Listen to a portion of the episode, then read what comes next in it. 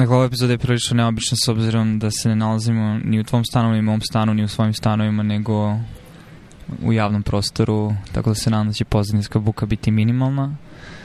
Ali a, tema koju smo načeli i mislili, ha, možda bi bilo zgodno snimao podcasta, ja sam sasvim slučajno imao mikrofon u torbi, a, se tiče članka koji si skoro čitao, nečega što je obojici blisko i drago godinu nazad, da to je kako je pravo spaced repetition?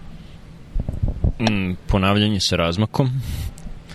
Da, godinama, mislim da je to decenije unazad, e, koristio sam, to je sistem za pamćenje kojima se koriste kartice, na jednoj strani pitanje, na drugoj strani odgovor, u zavisnosti toga da se odgovorio tačno ili ne, e, sistem ti zadaje kada ćeš sledeći put e, videti ponovo tu karticu, što si bolji u, u sakupljanju stvari iz svoje memorije, to, se, to je veći razmak između ponavljanja. A, to sam koristio još na fakultetu, uglavnom za spremanje par ispita, to su rane 2000. godine, pomalo i definitivno za spremanje USMLE-a. Koristio sam Palm Pilot, ako se neko seti malih uređaja koji su jako ličili na sadašnje mobilne telefone, ali uopšte nisu imali funkciju telefona, već su bili mali organizatori, adresari, uh, itd. itd. E pa ne sjećam se koja je bila verzija Palm Pilota, ali uh, ali je imao program koji se zvao Super Memo ili Super Memo, Super Memo na srpskom, koji sada postoji, koji je program za znam da postoji za Windows, nisam siguran da li, da li postoji za Android, iOS i Mac, pre, nema ga za Mac. Uh, tako da sam imao na stotine i stotine, ako ne par hiljada kartica koje sam napravio od First Aida za USMLE. Jako mi je pomoglo. Nastavio sam da koristim i ovde za spremanje boardsa iz interne a onda i hematologije i onkologije. Sad već pričamo o, koja je to godina, 2014. za internu, 2017. 18. za hematologiju i onkologiju. I tu više nisam koristio Super Mimo, već Anki, koji je koji ima svaku platformu, znači ima i i Windows, i Mac, i iOS, prije sigurno da ga ima i za Android, i, i za Linux, i što je ključno, e, ima ga i na na, kao web servis ankiweb.net koji služi za sinhronizaciju, tako da možeš imati besplatan nalog i možeš besplatno da sinhronizuješ sve svoje kartice. Ono što se plaća je iOS app, koji, ako se dobro sećam, košto je 20 dolara ili 25 dolara, ali s obzirom da sam ga platio pre 7 godina i da ga još uvek koristim, mislim da su, da su to dobro potrošene pare. Da kao što je jedan, u, u jednom od ovih tekstova o kojima ćemo pričati vjerojatno, je spomenuto, to je cena ma, malo boljeg obroka u nekom restoranu, a vrednost koju dobiješ iz toga je mnogo, mnogo veća, bolja, duža. Ok, uh, bit će zanimljivo s jednim mikrofonom. Uh, par komentara. Da, rane 2000-te Palm Pilot otkriva koliko tvoje godine, toliko i to koliki si štreber.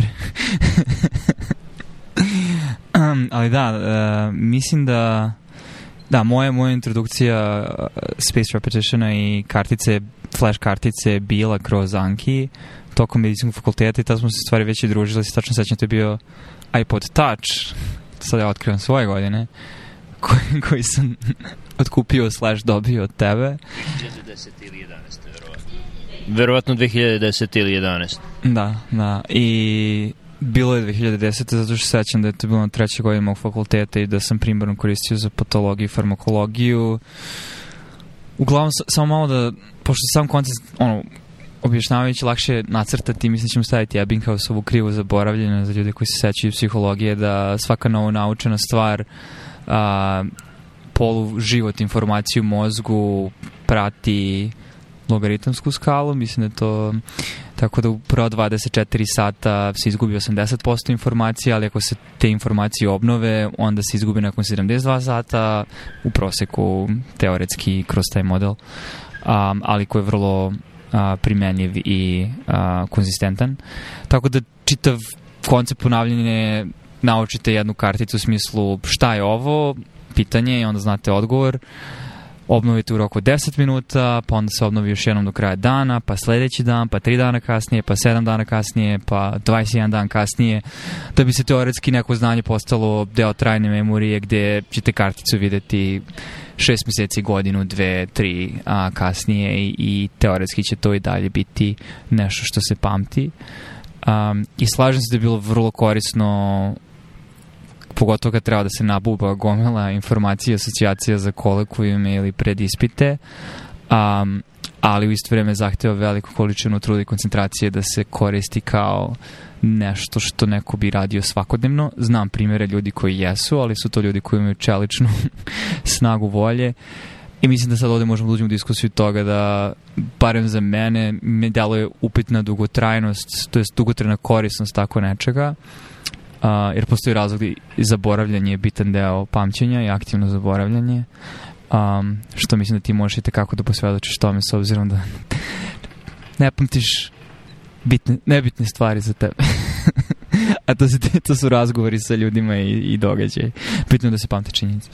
Um, uglavnom da, ajde da otvorim sa time, dakle, moja, moj skepticizam po pitanju dug, uh, dugoročno, dugoročne korisnosti korišćenja ovakvog sistema.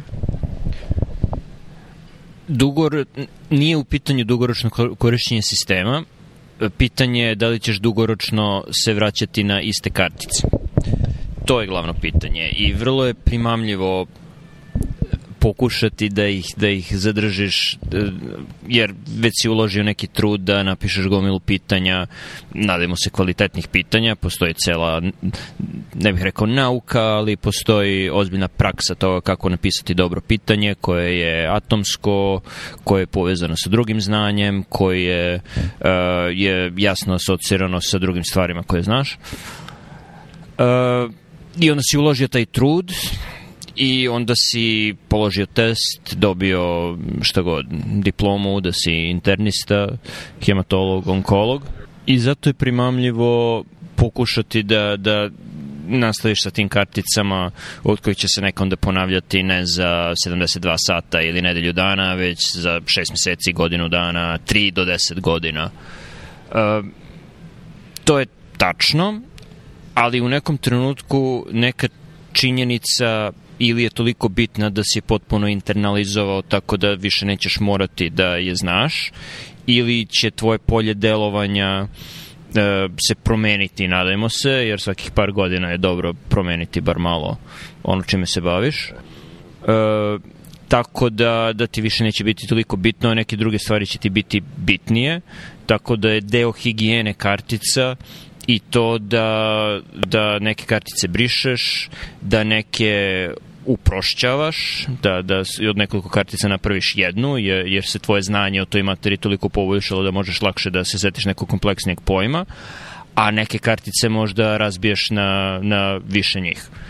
Tako da tako da bih razdvojio to pitanje dugoročnosti kartica. Verovatno kartice ne treba da budu dugoročne, bar ako se tvoj uh, intelektualni život razvija kako bi trebalo, a drugo je pitanje dugoročnosti sistema gde ima smisla koristiti taj sistem i za stvari koje nisu čisto polaganje testova i, kako ti kažeš, bubanje za, za ispite. Ok, uh, mislim, kroz takvo redefinisanje stvari, mislim da bih onda imao manji, manju dozu skepticizma zato što odgovara na nekoliko mojih bojazni koje sam uvideo dok sam spremao te ispite. To je da kartice su jako cool da u tom smislu da toliko kroz nekoliko ponavljanja se brzo javi ta asocijacija, tako da čak sećamo kad sam vrtirao po bolnicama ovde um, neko postoji neko pitanje na viziti ti odmah u, roku od pola sekunde odgovoriš uh, na pitanje, a u pitanju neka, ono, neki sindrom ili, ili neki aponim.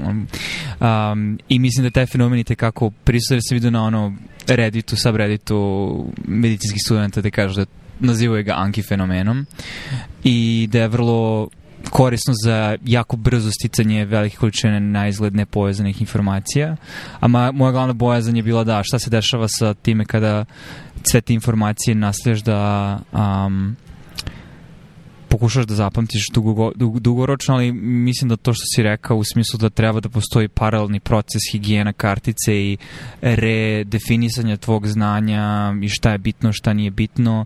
Jer isto moja velika bojazan je da i to sam ti ono spomenuo da ono što učiš onda na karticama na neki način uzima primat nad asocijacijama koje nisu nad, na karticama, tako da kada razmišljaš o nečemu po defaultu asocijacije koje ti prve ulaze u radnu memoriju će biti one koje su vezane za kartice, a oboje, oboje praktikujemo polje, disciplinu u koje poluživot tačne informacije sve kraći i kraći i sve više satamo koliko modeli kojima se služimo su tekako veliko uprošćavanje, mnogo kompleksije stvarnosti.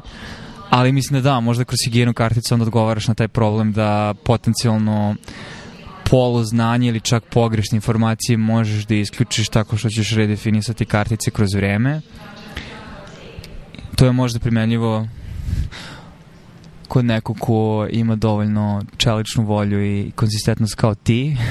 ja ne znam da li bih imao samo disciplinu da radim higijenu kartica paralelno. Mislim da je verovatno vrlo zametan proces, ali mislim dugoročno da je i vredan proces i ali kao i ono, čitanje rado ili šta god, ako je navika koju radiš svako dana po sat vremena, verovatno postane mnogo lakše dugoročno. A, ako me sećanje ne, ne vara, haha, verovatno me vara, mislim da a, a, 100 kartica dnevno je razuman broj i nije mi trebalo više od 20 minuta do pola sata za 100 kartica dnevno, mislim da je 20 minuta do pola sata dnevno razumno i da nije neki veliki utrošak vremena. Sasvim sigurno mogu da, da nađem 20 minuta svog vremena u svakom danu koje sam mogao bolje da provedem.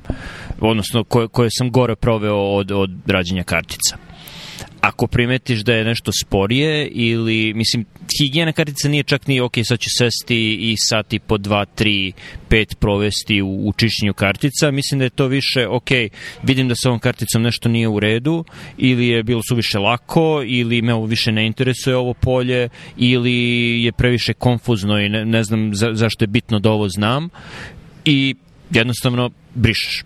Znači, treba biti liberalan u brisanju mislim da, da je to higijena kartica. Sada pričam pomalo na pamet jer nisam to počeo da radim, ovo sve samo teorijski jer Anki nisam koristio od opet spremanja specijalističkog ispita, subspecijalističkog ispita iz hematologije pre tri godine sad, ali kada bih za stvari o kojima ćemo pričati, uh, ponovo počeo to da, da, da radim, mislim, mislim da bih se tako obhodio prema njima.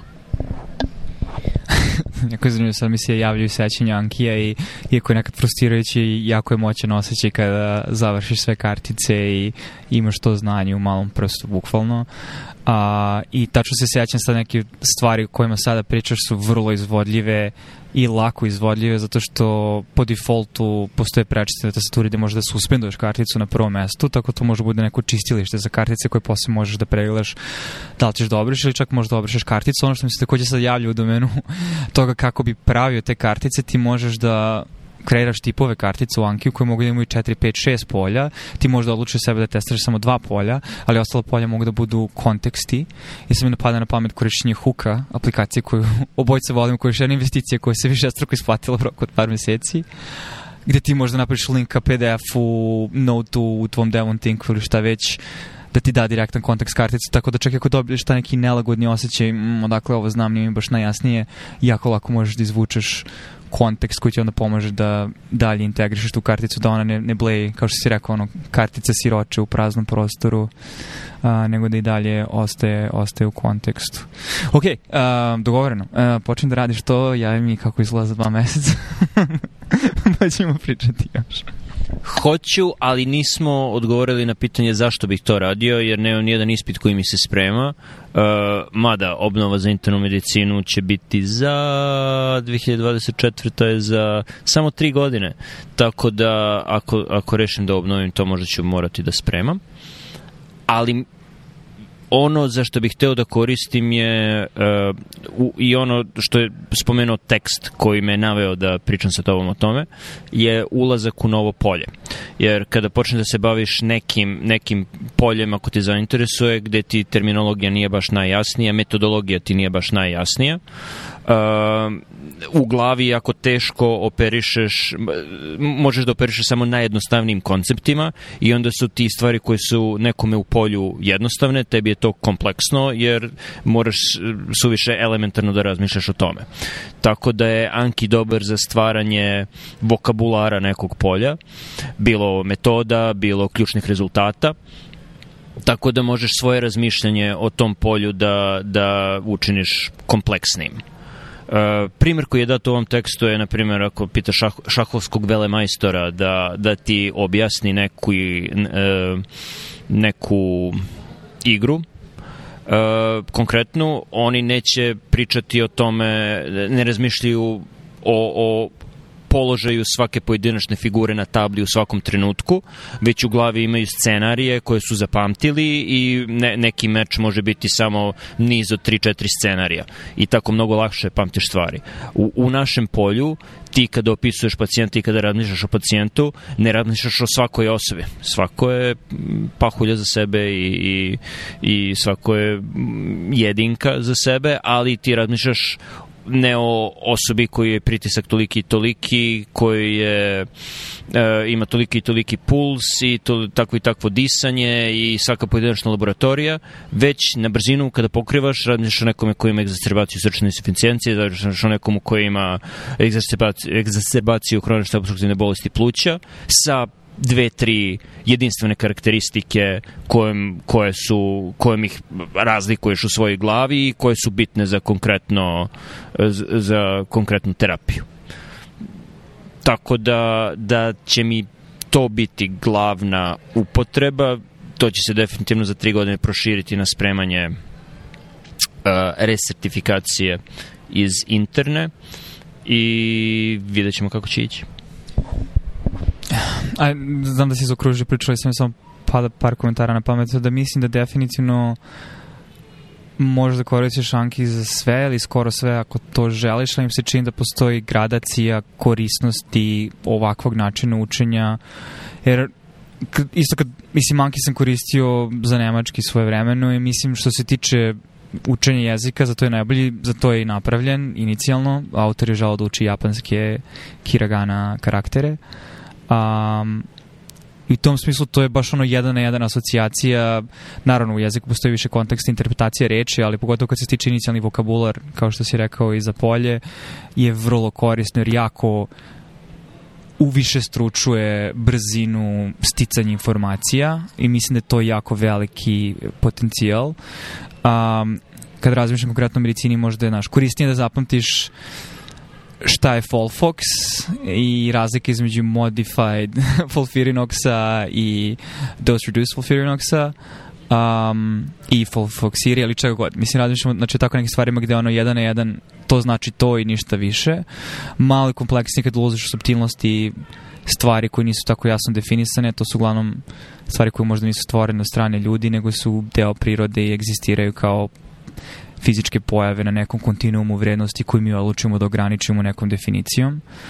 Ali mislim da definicijno kroz higijenu kartica možeš da održavaš čak i takve pojmove u glavi, a mislim da si upravo što se tiče ulazka u polje, da i tekako Mislim, ono čemu sad pričam u nekom meta nivou, a opet se tiče konverzacije koje ćemo možda imati u nekog budućih podcastova, mislim da bi trebalo, a koji si način na svom blogu, a, a tiče se procesiranja informacija, radova, PDF-ova, literature, šta god, jer ono, kad završiš fakultet više nisi, nemaš više učbenik koji treba da naučiš na pamet i to je sve što ti treba, nego zaista moraš da ulaziš u polja ako ozbiljno želiš da ulaziš u polja samo, samo, samosvesno i samo motivisano.